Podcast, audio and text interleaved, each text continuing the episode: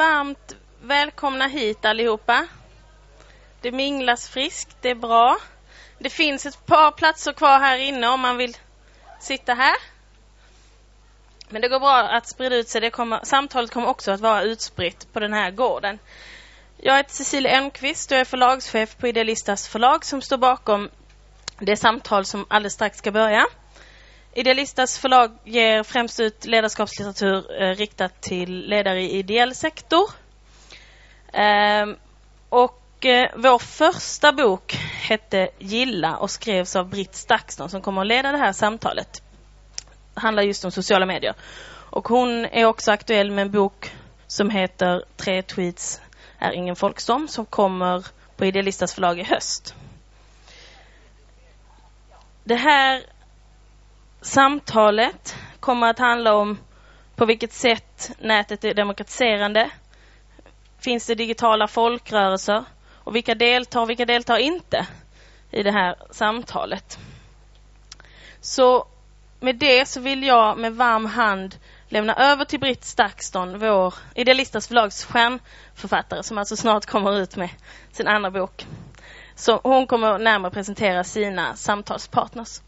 Stort tack!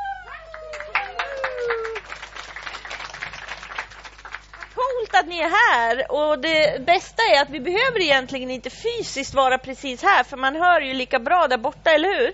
Ja. Jag har, eh, när Beata, Emma och jag, vad har vi Beata och Emma? Och Emma, ni ser färggrant här. Det är vi som är Hej Digitalt. Eh, men när vi, hade, när vi pratade om det här så sa vi vi ska inte vara tre män bakom ett ståbord. Eh, vi har ett ståbord, men vi har ställt i hörnet.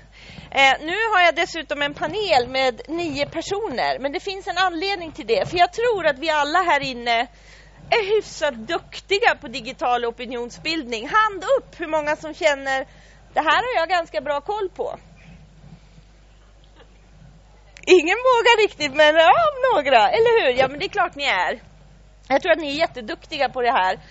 Man skulle önska att man hade mer tid än vad vi har, men vi ska utnyttja den maximalt och vi kommer fortsätta det här samtalet digitalt. Jag har valt att gruppera mina panelister och det har redan börjat oroa dem. De har redan börjat köra sin hisspitch till mig att de inte alls vill grupperas så här, men vi kör ändå. Här kommer nu de traditionella organisationerna.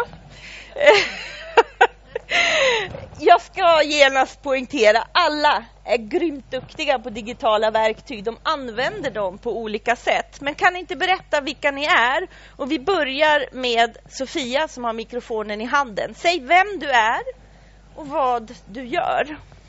Ja, hej. Jag heter Sofia Brännström och är ansvarig för digital kampanj och sociala medier på SSU. Så det är jag. Ja, och sen är det Lindas tur. Nej. Jo nu! Eh, Linda Engström jobbar som kommunikation och påverkanschef på Eugutentio eh, där vi just i valtider framförallt jobbar med det här med alkoholstör. Den här fisken som ligger här som ni alla kan komma och klappa på sen. Men ni kommer nog få veta mer under denna timme. Som var väldigt snygg ihop ja, med poolen. Den kanske första som kan få simma i poolen. Premiär. Mm. Och nu, har vi, nu får vi se hur snabb Emma har varit här. Har du hunnit med det här Emma? Nej. Då säger vi, för vi är väldigt glada att också Oliver kom. Berätta vem du är. Jag heter Oliver Rosengren och arbetar som kommunikatör på Nya Moderaterna. Mm. Så, här har vi de traditionella organisationerna. Kan inte ni ställa er lite här? Jag tycker vi ska försöka uh, bre ut oss lite grann så. Ska det vara så här Britt, som stadslaget? Att nu ja. Ja. Precis. Eh, nu kommer vi till en sån här lite mittemellan och då skulle jag vilja presentera Sofia från Rättviseförmedlingen. Är jag mittemellan? Ja. Hej. Ja. Ska jag komma bort? Du kan eh, kanske sätta dig här på vägen. Ja. Varför säger jag att du är mittemellan? Ja, Säg vad du gör. Eh, jag eh, jobbar på Rättviseförmedlingen.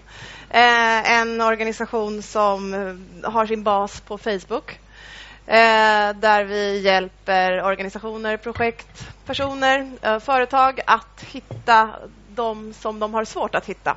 Om normen ser ut på ett speciellt sätt, kanske. Ofta en expert är en eh, vit man i 50-årsåldern, speciellt eh, inom vissa områden och så kanske man vill eh, hitta även andra att se och blanda upp sitt urval. Och då berikar vi och ser till att urvalslistan eh, blir lite bredare. För oftast så har man liksom de vanliga som man brukar ringa, man har dem i telefonboken, man, har, man ser dem hela tiden. Men ibland så, så vill man nå lite bredare och tänka tänka till. Och då hjälper vi till helt gratis mm. eh, genom efterlysningar via vår Facebook-sida och har hjälp av 70 000 eh, volontärer kan man säga eh, som hjälper till med sina nätverk då, att eh, hitta de andra. Mm. Och jag sätter dig mitt emellan, för ni kallar er själva en modern folkrörelse. Ni har tagit det lite så. Ja. Och refererar till de digitala plattformarna. Och i min kommande bok har jag ett väldigt fint citat från nu är jag helt trött i huvudet. Lina, när hon beskriver det här med det jobbiga steget till att bli en organisation. Mm. Mm. Så därför är du mitt emellan. Ja. ja. Mm. Eh, och sen har vi då eh, två aktivistgrupperingar.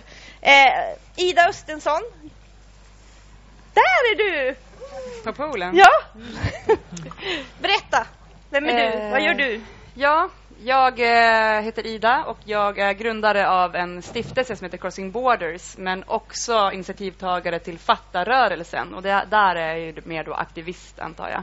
Mm. Eh, och eh, Fatta kämpar mot sexuellt våld och för samtycke i praktik och lagstiftning.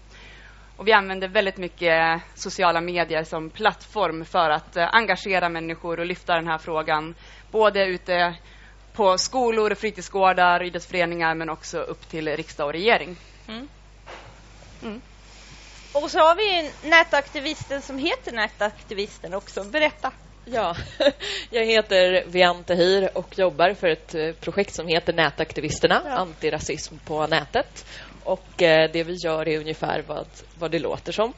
Eh, vi utbildar gymnasieelever i lag och rätt på nätet, eh, vad du får och inte får skriva och hur rasism på nätet kan se ut och antirasistiska strategier som du kan använda på nätet. Mm. Och sen har vi också en webbplats där vi lyfter nätaktivister som själva ger tips och råd och skriver om viktiga frågor som, som de ser är viktiga. Eh, och ett forum för de här nätaktivisterna. Ett stängt forum där man kan samlas, mobilisera, tipsa, be om hjälp. Mm. Då har vi aktörerna här på ett plan. En viktig aktör trots de digitala tider vi lever i och eh, som absolut också omfamnat de digitala plattformarna är förstås medierna och som fortfarande spelar en stor roll. Så då är vi väldigt glada över att ha Esan här.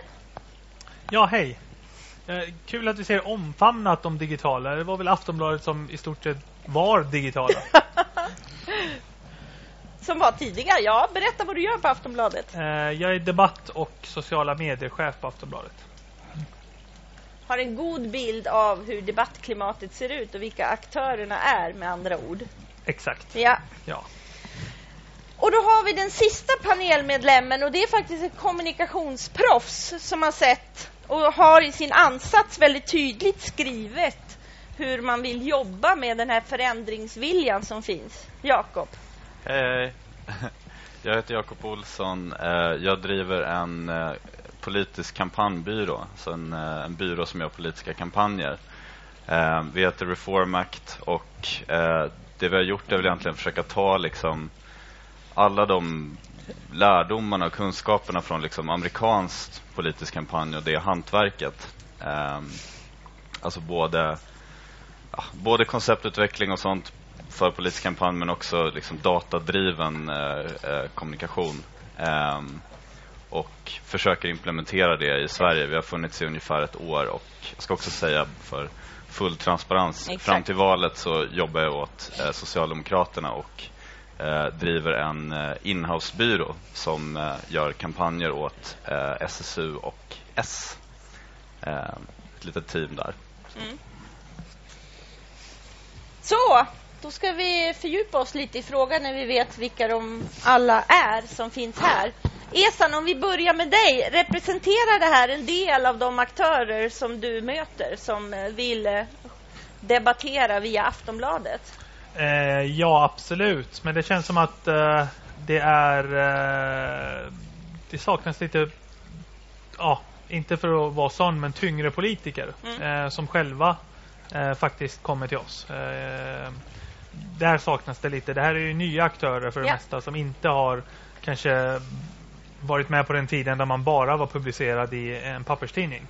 Eh, eller bara kunde köpa sig annonsplats i Aftonbladet.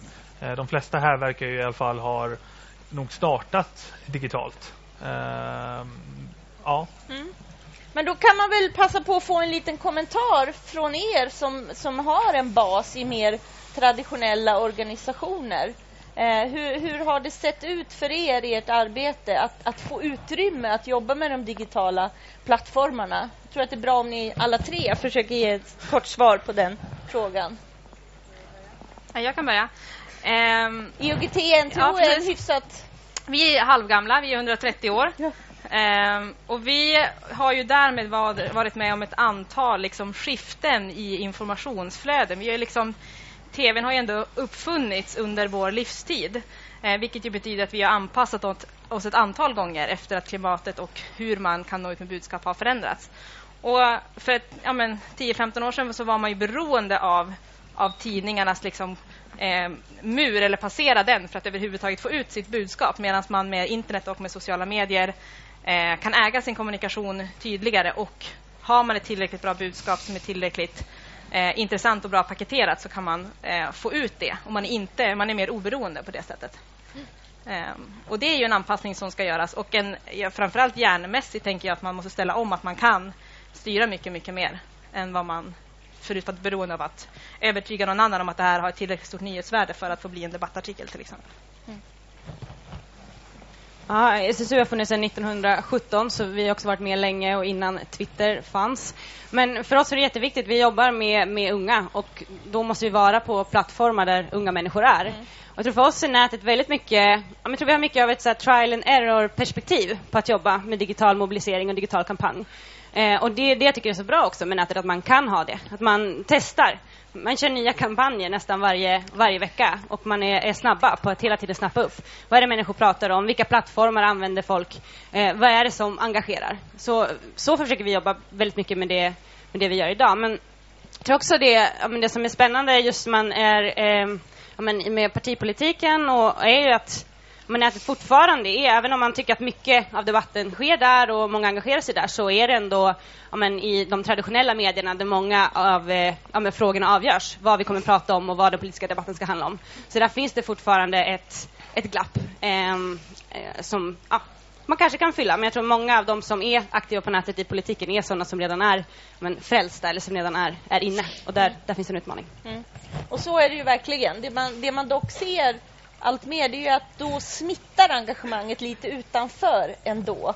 För det är klart att hela världen inte vaknar upp och är plötsligt extremt engagerade, går med i politiska partier eller vad det nu kan vara. Men däremot så smittar ju ditt engagemang något oerhört, även digitalt. Så att det leder till någon mer som deltar. Oliver?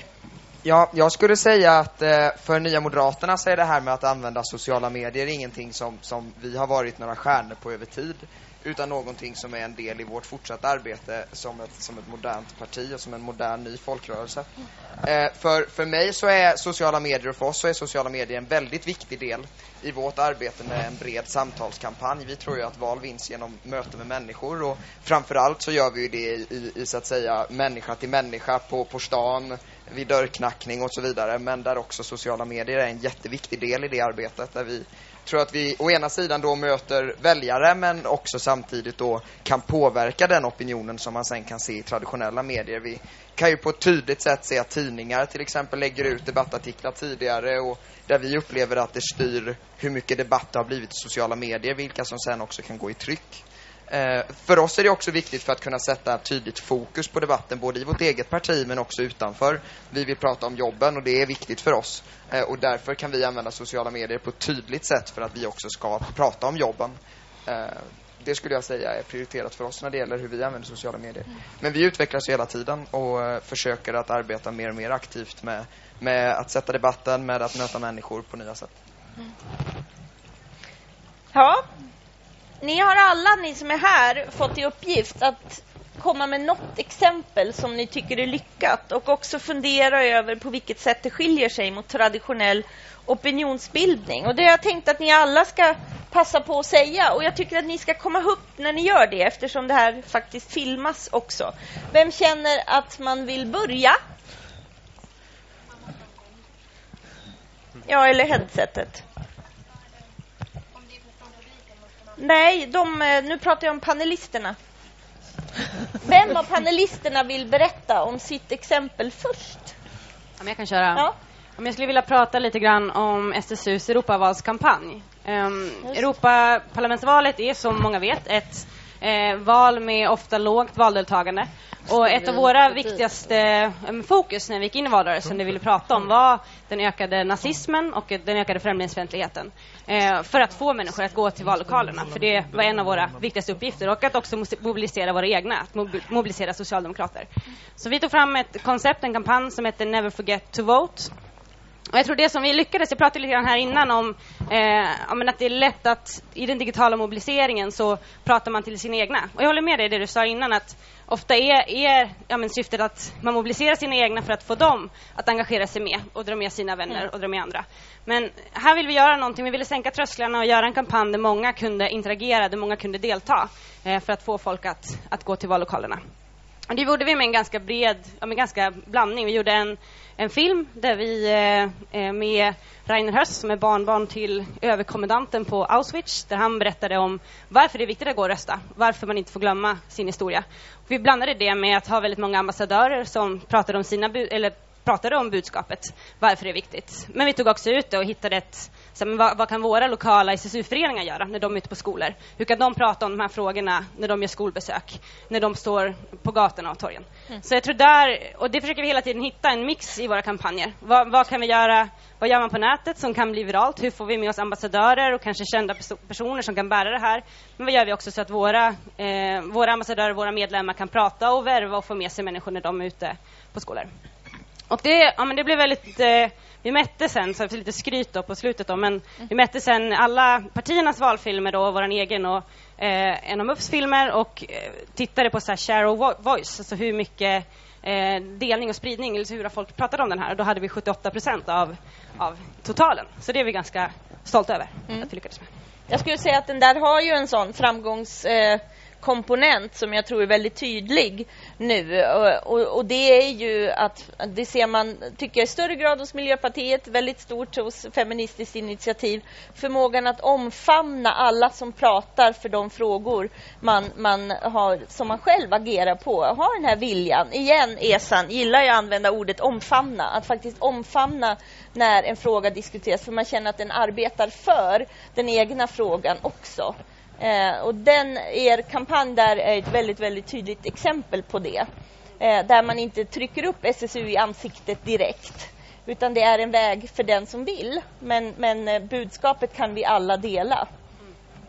Ja, men verkligen. Ja, nu kanske jag inte får svara på det. Då, men, men ja, ja, det är jätteviktigt och vi har försökt jobba så väldigt mycket i alla våra... Men all, de allra flesta människorna har ju någon slags jourhavande engagemang. Mm. Det går liksom i, i, i, pikar. När någonting händer som man brinner för, ja men då agerar man. Jag tror att där behöver vi som traditionella organisationer stå med öppna armar också och säga att ja, men, du kan engagera dig för feministiska frågor här, eller du kan engagera dig för antirasistiska frågor här. Eh, och också agera på omvärldshändelser. Och där jobbar vi hela tiden med att bli bättre och förstå hur vi ska göra det och hur vi kan erbjuda ja, men, eh, aktivister en, en plattform ja. hos oss som kan påverka politiken. Så det är superviktigt och där jobbar vi hela tiden för att mm. bli bäst. Ja. Ska vi se här, eh, Sofia, vill du bjuda på något av dina bästa exempel? Ja, då, då känns det, då funderade jag på vad jag skulle säga, men jag tänkte ta oss själva som ett exempel. Vi pratar om oss som en eh, rättviseförmedling, som en organisation och det vi, vi, vi gillar att inte vara någon riktig form. Vi testar lite olika. Mm. Och jag tycker även att man kan se oss som en kampanj.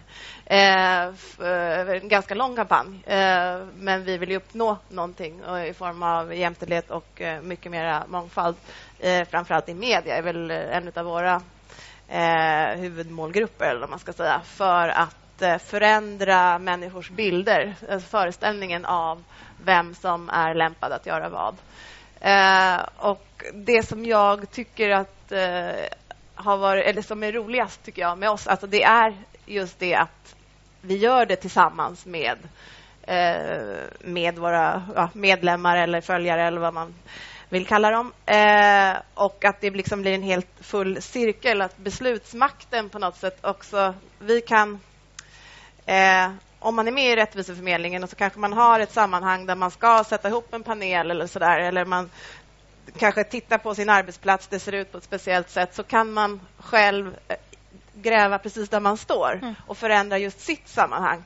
Eh, man behöver inte gå och få någon ny policy som ska klubbas igenom utan man kan tänka så här, ja, men jag ska börja, våra paneler ska börja vara jämställda. Nu bestämmer jag det. Det behöver inte jag ta med någon styrelse. Utan jag hör av mig till Rättviseförmedlingen och sen börjar man förändra sitt sammanhang.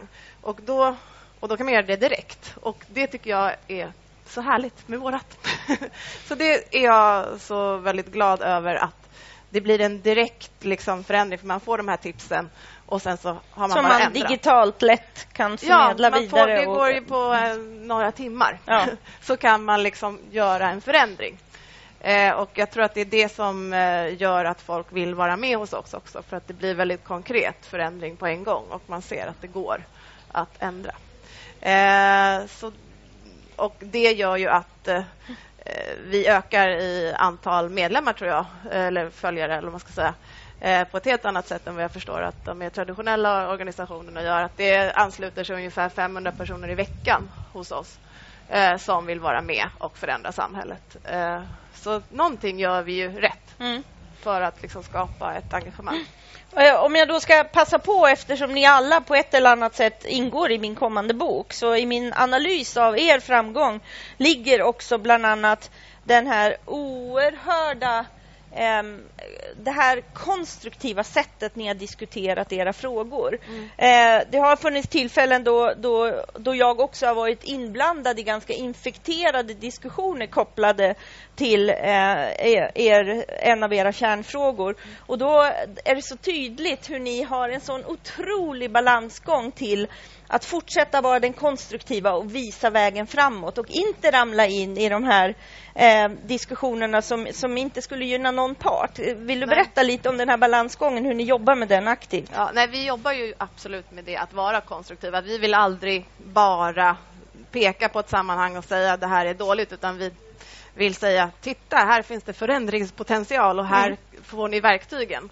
Eh, och Det är så viktigt för oss att göra det, vilket det, ibland så kanske man, man, vill förändra så mycket så man kommer på så mycket idéer. Men vi har alltid det där, vi måste vara konstruktiva. Vi måste komma med lösningen mm. också, vilket gör att vi inte kanske gör allting man skulle kunna göra. Och inte ger er in i nej. digital bashing som nej. kanske bjuds in lite vi ofta. Inte, nej, för att nej. vi tror inte att det är så vi kan förändra. Utan vi vill snarare eh, föra samman och försöka prata med folk som vill förändra. Vi mm. tror att alla kan bli bättre. Mm tror att det, och det där är en klurig utmaning digitalt sett, verkligen. Ja, ja. Nej, men vi har ju, vi, vi är ju väldigt noga med eh, hur vi pratar med folk och eh, följer upp det väldigt noga, vad vi har lyckats och när vi gör det och så kommer vi ihåg det. Mm. eh, men vi har ju hittat ett sätt som, som funkar just nu i alla fall. Eh, Eh, och Det är inte alltid enkelt. Man känner sig påhoppad ibland och, och, kanske lite arg. Och så bara, men hur skulle vi nu vara glada och mm. eh, konstruktiva? Och Det är så skönt när man lyckas med det. Mm. Eh, för då känns det verkligen som att man faktiskt skapade en förändring i ett sammanhang som man kanske kände från början. Åh, det här är låst, det här kommer aldrig att gå. Och sen så gjorde Kom det faktiskt det. det. Mm. Så det är kul. Vian, vill du ja. berätta? Eh, jag tänkte bryta mot mönstret här ja. och eh, lyfta några andra än oss själva. och också gärna eh, liksom klassisk aktivism utan någon slags budget. Eh, och då finns det flera olika saker som man kan titta på. Eh, jag vill lyfta hijabuppropet eh, som lyckades med någonting som jag som kommunikatör och väldigt många PR-byråer alltid suktar efter. Att nå en sån trendande hashtag på Twitter, att få över den ut i traditionella medier och att dessutom eh, få tillfälle att prata med ansvarig politiker. Eh, det som de gjorde det var ju helt enkelt att mobilisera eh, sina nätverk, sina digitala nätverk, att börja prata om en fråga och börja diskutera och sprida, eh, sprida det vidare. Och det tycker jag är en stor eloge för att det var på så väldigt kort tid de lyckades. Under liksom en vecka så lyckades de med hela det här förloppet och lyckades också att sätta en fråga om islamofobi på agendan på ett sätt som både var engagerande för andra personligt men Mm. också politiskt. Men blev lite omdiskuterad också. Jag blev definitivt omdiskuterad. Eh, det kanske inte var alla som tyckte att det var rätt sätt. Mm. Eh, men jag tycker att de personerna som var med i kampanjen svarade på det på ett väldigt konstruktivt Mm. och väldigt bra sätt. Eh, sen tycker jag att den tråkiga biten av hur det blev omdiskuterat, det var hur det kallades för slaktivism. Ja. Alltså att det var liksom lat latmansaktivism eller att man inte gjorde någonting. Men tittar man på resultatet så vet jag om väldigt många kampanjer med en stor budget som inte har uppnått det. Så att eh, de, har ju, de gjorde ju ett väldigt bra jobb och eh, jag tycker att man ska komma ihåg det när vi pratar om sånt här att det finns även aktivister som jobbar utan budget och som jobbar för saker som de tror på och når väldigt bra resultat. Och vi ska inte nedvärdera det engagemanget. Det är ett Mm. väldigt viktigt Mm. engagemang. Och som tack vare de digitala plattformarna verkligen snabbt kan växa. Ja, absolut. absolut. Och där finns det ju fler exempel. Vi har ju Björklunds skola som eh, nyligen fick väldigt mycket uppmärksamhet. Vi har queera berättelser där vi har en grupp eh, eh, hbtq-personer som sällan får ett väldigt stort medialt utrymme som faktiskt fick möjlighet att prata om sin egen vardag och om sin egen situation på, Mm. på ett sätt som man kanske inte tidigare hade kunnat göra. Det här är ju personer som kanske inte uppmärksammas eh, eller är de första att intervjuas eller så. Nej. Olivia som ligger bakom eh, Björklunds skola var 17 år och hade Precis. knappt 100 följare på Twitter. Eh, hon är också med i min kommande bok och det är fantastiskt att höra hur en tweet skickad till sina vänner utan en tanke på att bli vad det blev eh, på så kort tid. Hon hade alltså inte ens 100 följare och på så kort tid fick så mycket respons så att då sa hon, men hörni, ska vi inte använda typ Björklunds skola som tagg? För hon går i Björklunds skola. Det var inte nödvändigtvis ett partipolitiskt utspel. Eh, och det hon också gjorde var ju att hon visade, hon hade tekniken, hon kuraterade flödet, försökte säga nej men det här är en diskussion för oss unga om vår verklighet, hur den ser ut. Och det kom ju in mycket politiska ungdomsförbund och andra som ville diskutera eh, förstås i de tider vi är. Men hon höll ut ganska länge så. Och på ett dygn var det 2-3 tusen tweets. Hon intervjuades i Ekot utan tidigare mediemakt eh, och så. Eh, och en dag senare publicerar Socialdemokraterna följ det här flödet eftersom ju skolan är en aktuell fråga för dem. Det, det kan man ju kalla reaktiv proaktivitet om ni har läst Gilla boken. Eh, och det som sen hände var ju att Gustaf Fridolin ringde och frågade är det okej om vi lägger ut en tweet i det här flödet för att bjuda in till ett samtal, vilket också gjordes. Och förstås följde medier hela vägen fram till det mötet med ett antal elever. Hon röstar för första gången. Eh, och jag tror att hon röstar med... Eh, hon kommer i alla fall inte rösta på den som avfärdar hela den här diskussionen som att man bara tycker på Twitter. Nej, Så. precis. Nej. Och där måste vi eh, som kanske tycker att vi är proffskommunikatörer och får betalt för det ge med oss och erkänna att det finns de som är mycket, mycket bättre på det än vad vi är. Och en sak som gör att de är mycket bättre, det är för att det här är frågor det här är frågor som inte försöker sälja någonting, som inte försöker liksom värva medlemmar eller någonting. Det här är verkligen klassisk folkrörelseaktivism som liksom överförts till nätet. Mm. Och det är därför det går så bra. Det är därför det är många av oss som inte kommer att lyckas med samma sak som Olivia gjorde. Mm. Esan, vad tänker du? Eh, jag tänker på att gå tillbaka några år till förra riksdagsvalet eh, och nämna en annan 17-åring som bara fick för sig en idé och gjorde det och samlade 12 000 personer på Sergels torg. Eh, Felicia Margiano tror hon hette som eh, på valdagen eller dagen efter var så förbannad för att Sverigedemokraterna hade kommit in och startade bara en Facebookgrupp att så här, kom och manifestera för mångfald och mot rasism och fick dit en av de största demonstrationerna på väldigt lång tid i Sverige. Eh, och Aftonbladet följde ju på det där och gjorde den här Vi gillar olika-kampanjen. där vi bland annat stal SSUs hand. Eh, tack för den. Eh, så när folk ser den nu så ser de det är Aftonbladets Ja. hand. Eh, men vi, vi, vi, vi tog den och gjorde villor olika. Lite som några andra har nämnt. Vi brandade den inte med Aftonbladet utan det blev en fristående grej som vi gjorde journalistik av. Utan det var, det var inga loggor och så vidare. Och den eh, fick ju en halv miljon följare på eh, Facebook, den gruppen. Eh, vilket ledde till att det är fortfarande den största politiska eller eh, vad ska man säga, ideologiska gruppen på Facebook i Sverige. Eh, och vi försökte nu så här återuppliva den 2014 här med ehm, ja, helt enkelt bara så här, testa nya grejer. Men man märker att 2010 var, alltså 2014 är det är annorlunda mot 2010. Eh, aktivism på det sättet som vi har idag fanns inte 2010. Idag är det väldigt många som gör bilar olika men olika format. Så det är inte lika lätt att göra det.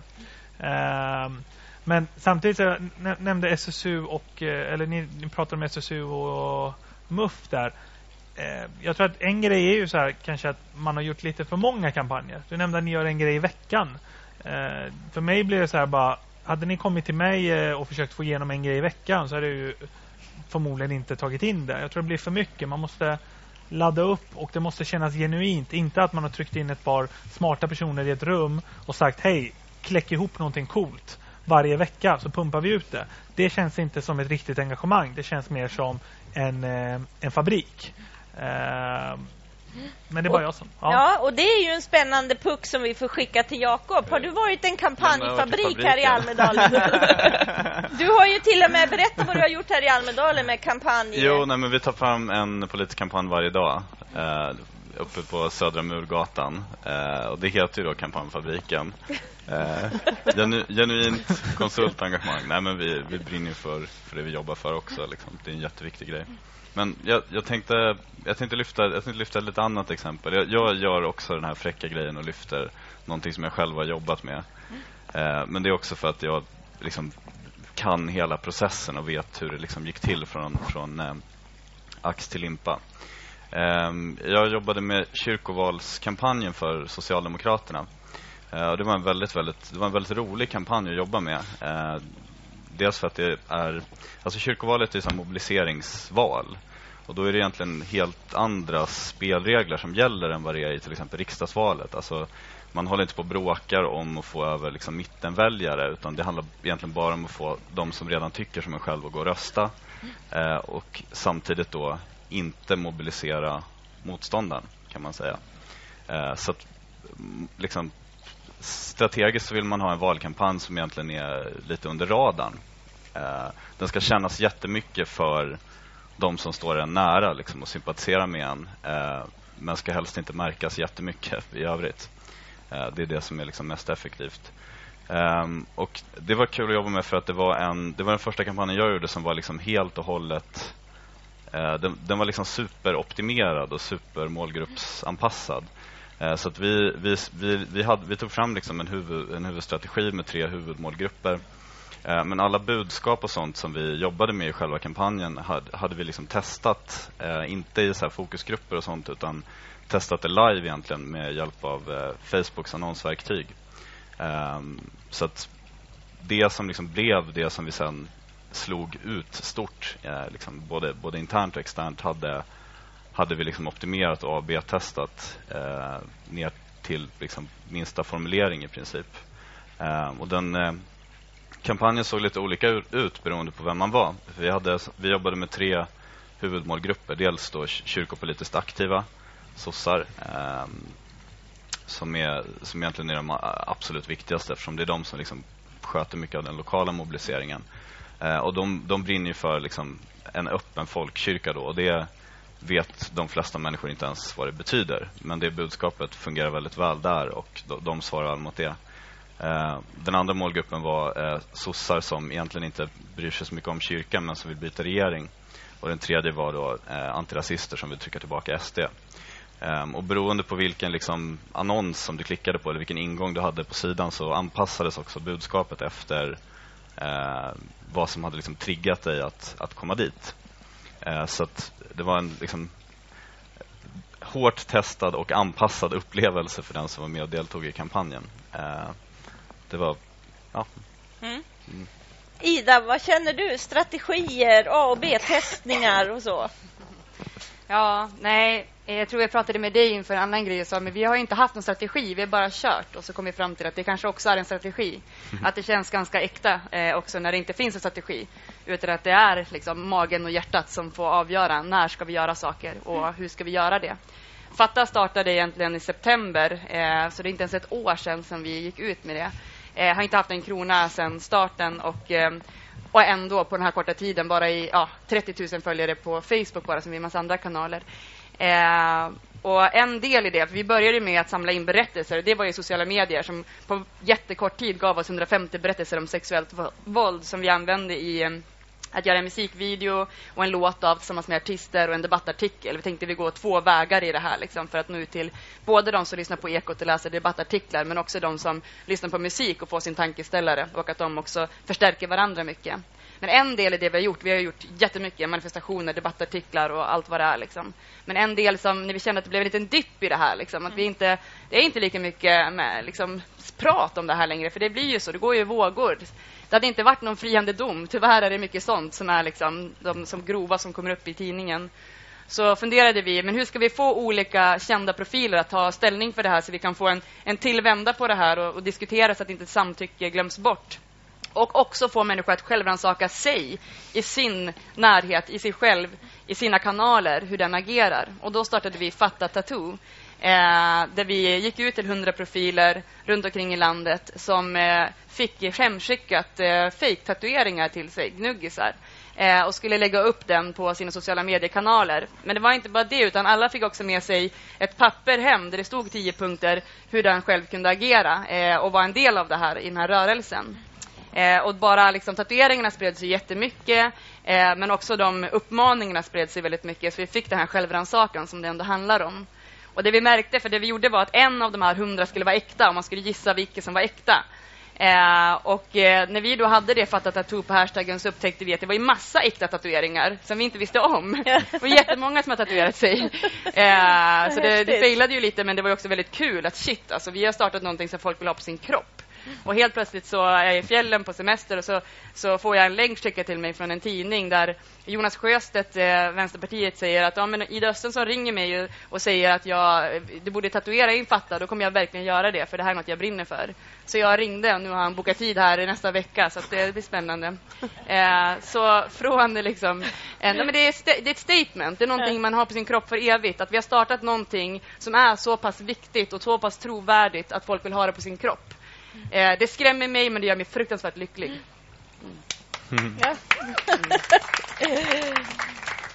Oliver, vi är lite sugna på att höra vad nya Moderaterna har gjort för lyckade sociala medieexempel. Jag tror att de flesta av oss när vi kom hit har funderat om ni ens är synliga på nätet, precis som du sa själv, att ni inte har legat i framkant här. Har du något exempel som du vill bjuda på?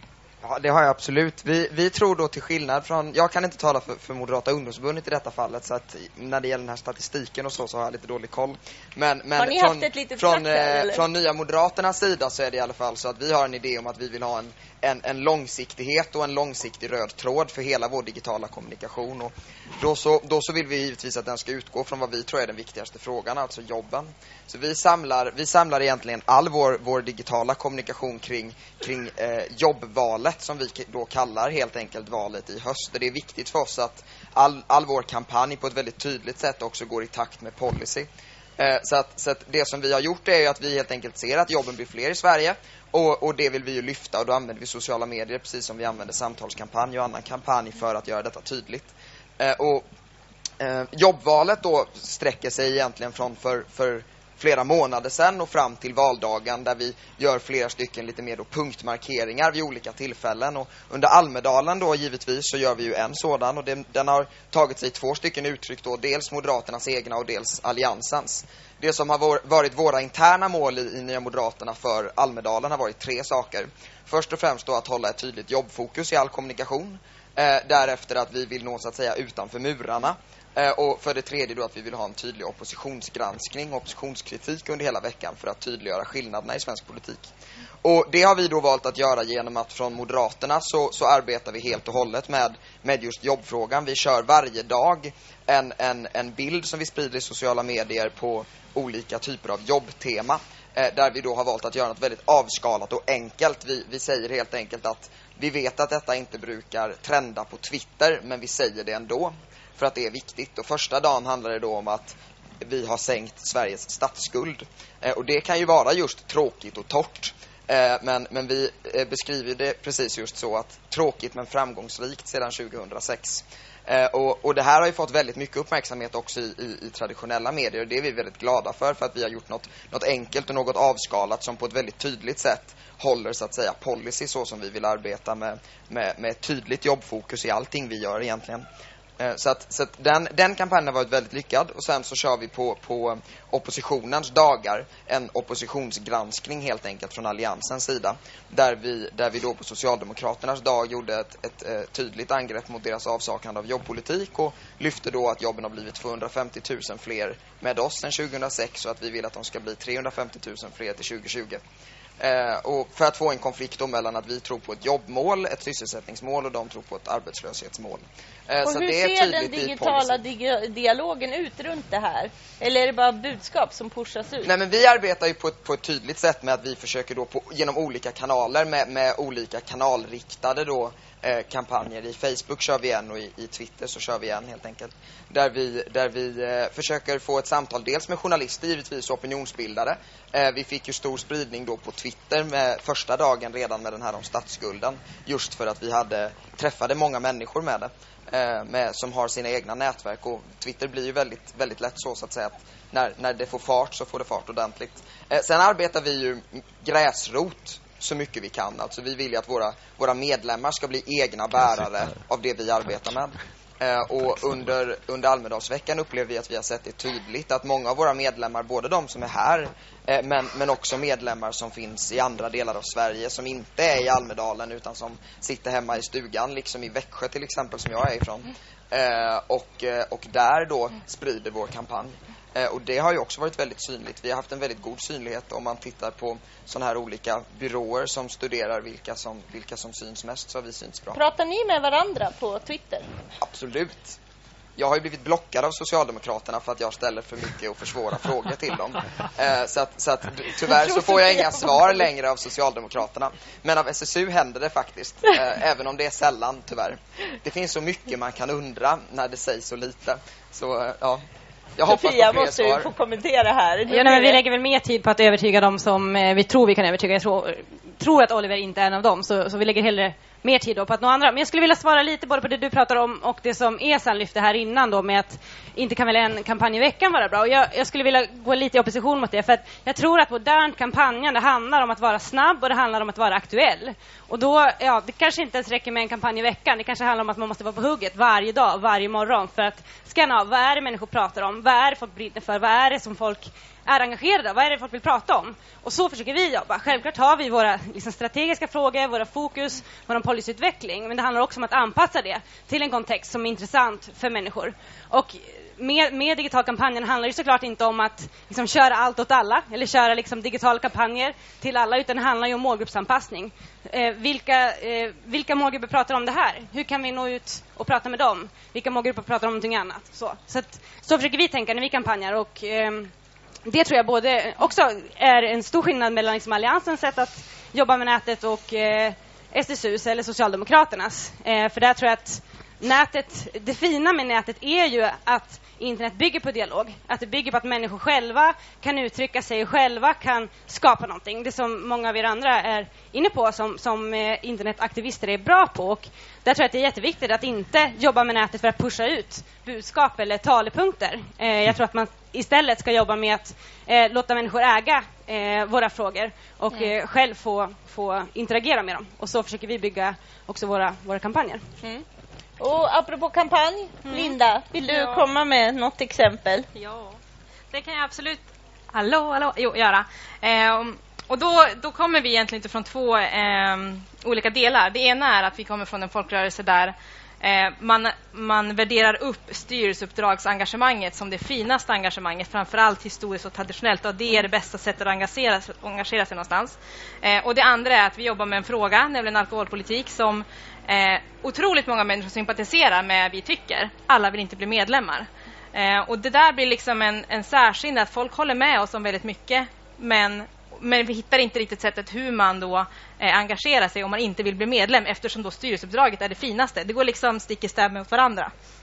Så då har vi tagit de två verkligheterna och bakat ihop det till eh, kampanjen då Alkoholstör som egentligen innehåller väldigt många olika komponenter.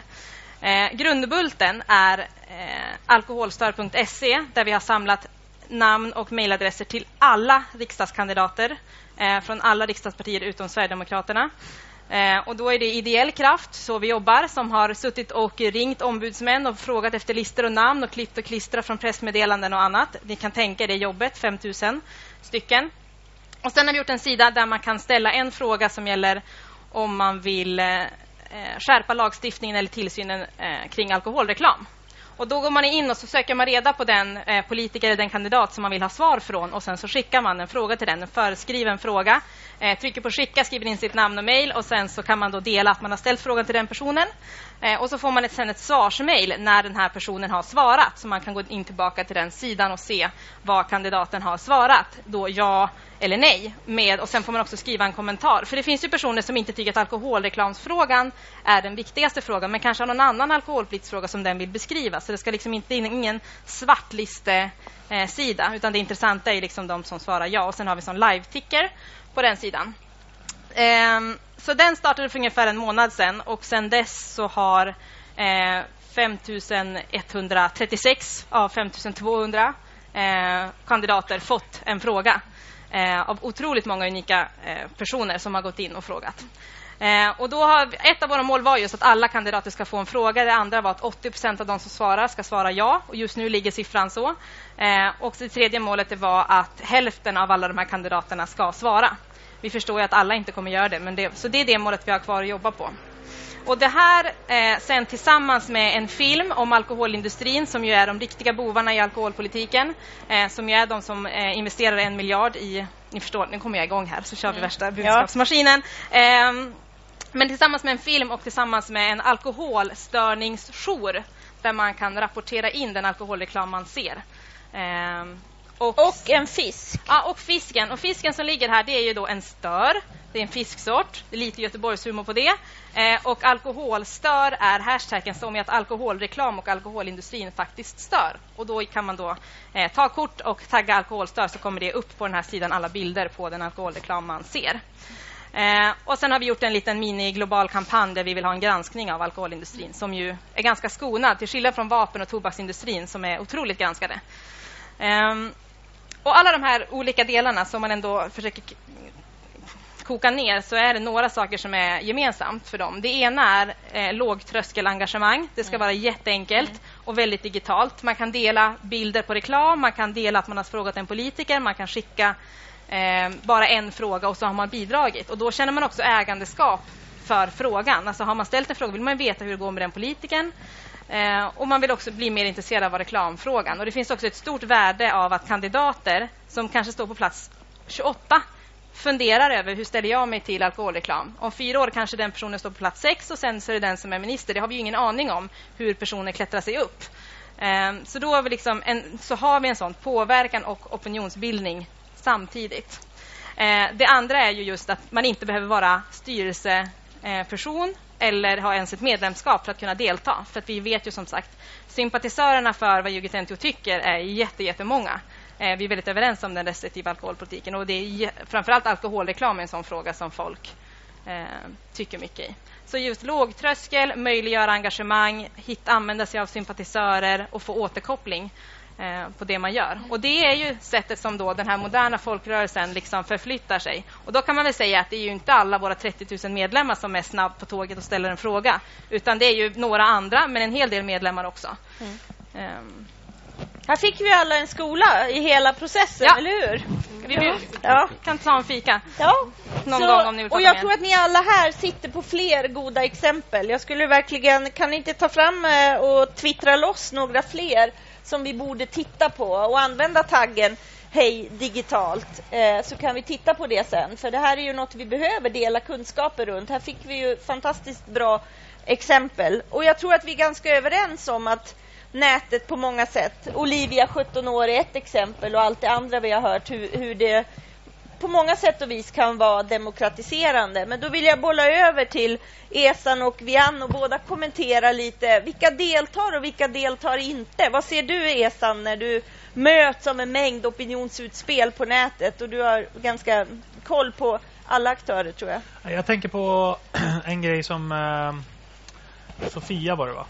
Ja, och eh, Oliver pratade om här att SSU väljer att nå dem de faktiskt kan eh, försöka omvända, eh, hjärntvätta eller vad man kallar det. Eh, Medan Nya Moderaterna har eh, egentligen större resurser men agerar ganska konstigt. Eh, senaste veckan har jag bara mötts av Nya Moderater som bemöter allting Aftonbladet publicerar. Vilket blir löjligt på slut, till slut. Och jag förstår att folk blockar Oliver Rosengren. Eh, men det blir ju verkligen så här, det är inte oss eh, ni i, eh, Eh, det är inte vi som är med i valkampanjen, det är andra politiska partier. Och Moderaterna har till exempel valt liksom väldigt tydligt att ta en fight med media eh, och göra det i sociala medier. Vilket har lett till att väldigt många är irriterade. Det är inte, liksom, det är inte kul att få svar oavsett vad du skriver. Men så här då? Men har du sett det här då? Vilket är helt ärligt ganska många som känner. Och det har egentligen ingenting att göra med att folk inte tycker om Moderaterna eller inte. Utan man vill inte eh, bli uppläxad ständigt gång efter gång av personer som bara pratar talepunkter. Eh, Oliver pratar här nu om eh, att jobben är det viktigaste i allt. Det är grunden i allt. Och jag bara tänker, ja, men vad har jobben med eh, samtyckeslagen att göra? Få ihop det där. Eh, det blir liksom löjligt. Det, där blir det talepunkts eh, Oliver istället för en äkta person. Och om man har personer som jobbar, fyra, fem personer som jobbar med eh, sociala medier hos Moderaterna. Var er själva, var lite mer öppna, var lite mer ärliga. Var, liksom, var Oliver Rosengren, inte eh, sociala medier-redaktören för Moderaterna. För det går inte hem längre. Det där kanske funkade för några år sedan där man hade sociala medier-redaktörer där det var nytt. Nu måste alla på till exempel Aftonbladet vara duktig på sociala medier. Det kan inte vara bara en person som sitter och pumpar ut budskap. Alla måste vara sig själva. Jag tror att ganska många äh, misslyckas med det. Ni har ju haft jättemycket med utbildning av lokalpolitiker och riksdagspolitiker och sånt. Men det känns som att när ni har trätt fram och tagit sån tydlig roll så har de tagit ett steg bak och tänkt att ja men Oliver och de fixar det här. Vilket har blivit lite motsatt effekt. Och jag har samma diskussioner på Aftonbladet. När jag träder fram så är det väldigt många som backar ur och säger ah, ja men nästan fixar det. Vilket är liksom, det gör jag inte. Mm. För att jag kan inte prata om alla frågor. Eh, och återigen, eh, om man gör en kampanj om dagen eller en, en i veckan. Du säger liksom så fort någonting händer så, så kör vi en kampanj. Ni behöver inte köra en kampanj. Möt med politik, möt med politiker. Det behöver inte vara kampanj, kampanj, kampanj. Låt en politiker träda fram och göra politik och debatt av det.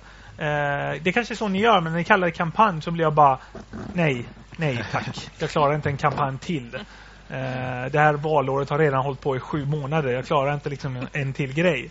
Eh, ja, det är väl det jag tänker på. Ja, vi ska låta Oliver kommentera förstås. Eh, ja. Han kommer förmodligen inte hålla med.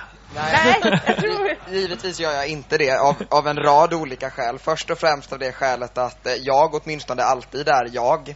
Eh, undantaget då möjligen när jag just twittrar från Moderaternas konto eh, och det gör jag ju väldigt sällan. Så att, eh, så att jag är ju jag och säger ju vad jag tycker eh, oavsett om, om du nu tycker att det så att säga är, är ett, ett talespunktutspel eller inte. Eh, så säger jag ju det som jag säger precis som jag säger det nu fast jag gör det på min Twitterkanal.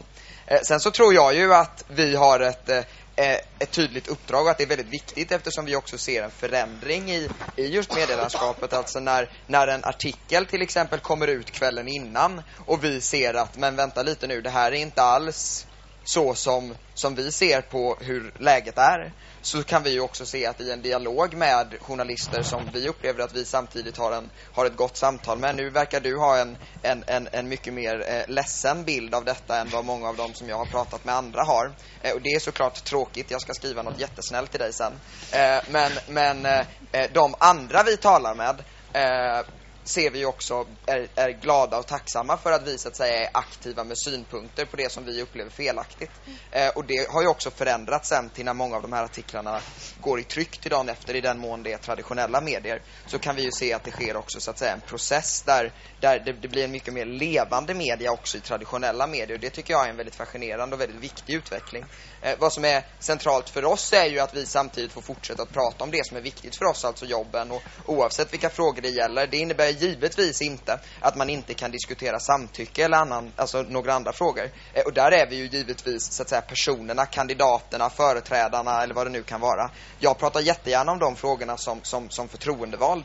Eh, men, men för, för partiets räkning så tror vi väldigt mycket på att vi, vi på ett tydligt sätt i alla våra samtal vill hålla oss till det som vi tror är, är det viktiga. Och det är ju jobben, för det är det som bygger samhället och det är på det sättet som vi kan gå framåt eh, tillsammans. Ja, vi, vi, ska strax sluta, men jag måste gå tillbaka till, för jag känner att ni får ju fortsätta ert Twittersamtal. Jag, jag ska skriva något jättesnällt resan Helst inte jättemycket. Helst inte, Jag ska skicka lite grafiker också, du brukar bli så glad ja, för dem. grafiker också. Det var, nu kommer men, jag gråta mig till sömns. Ja.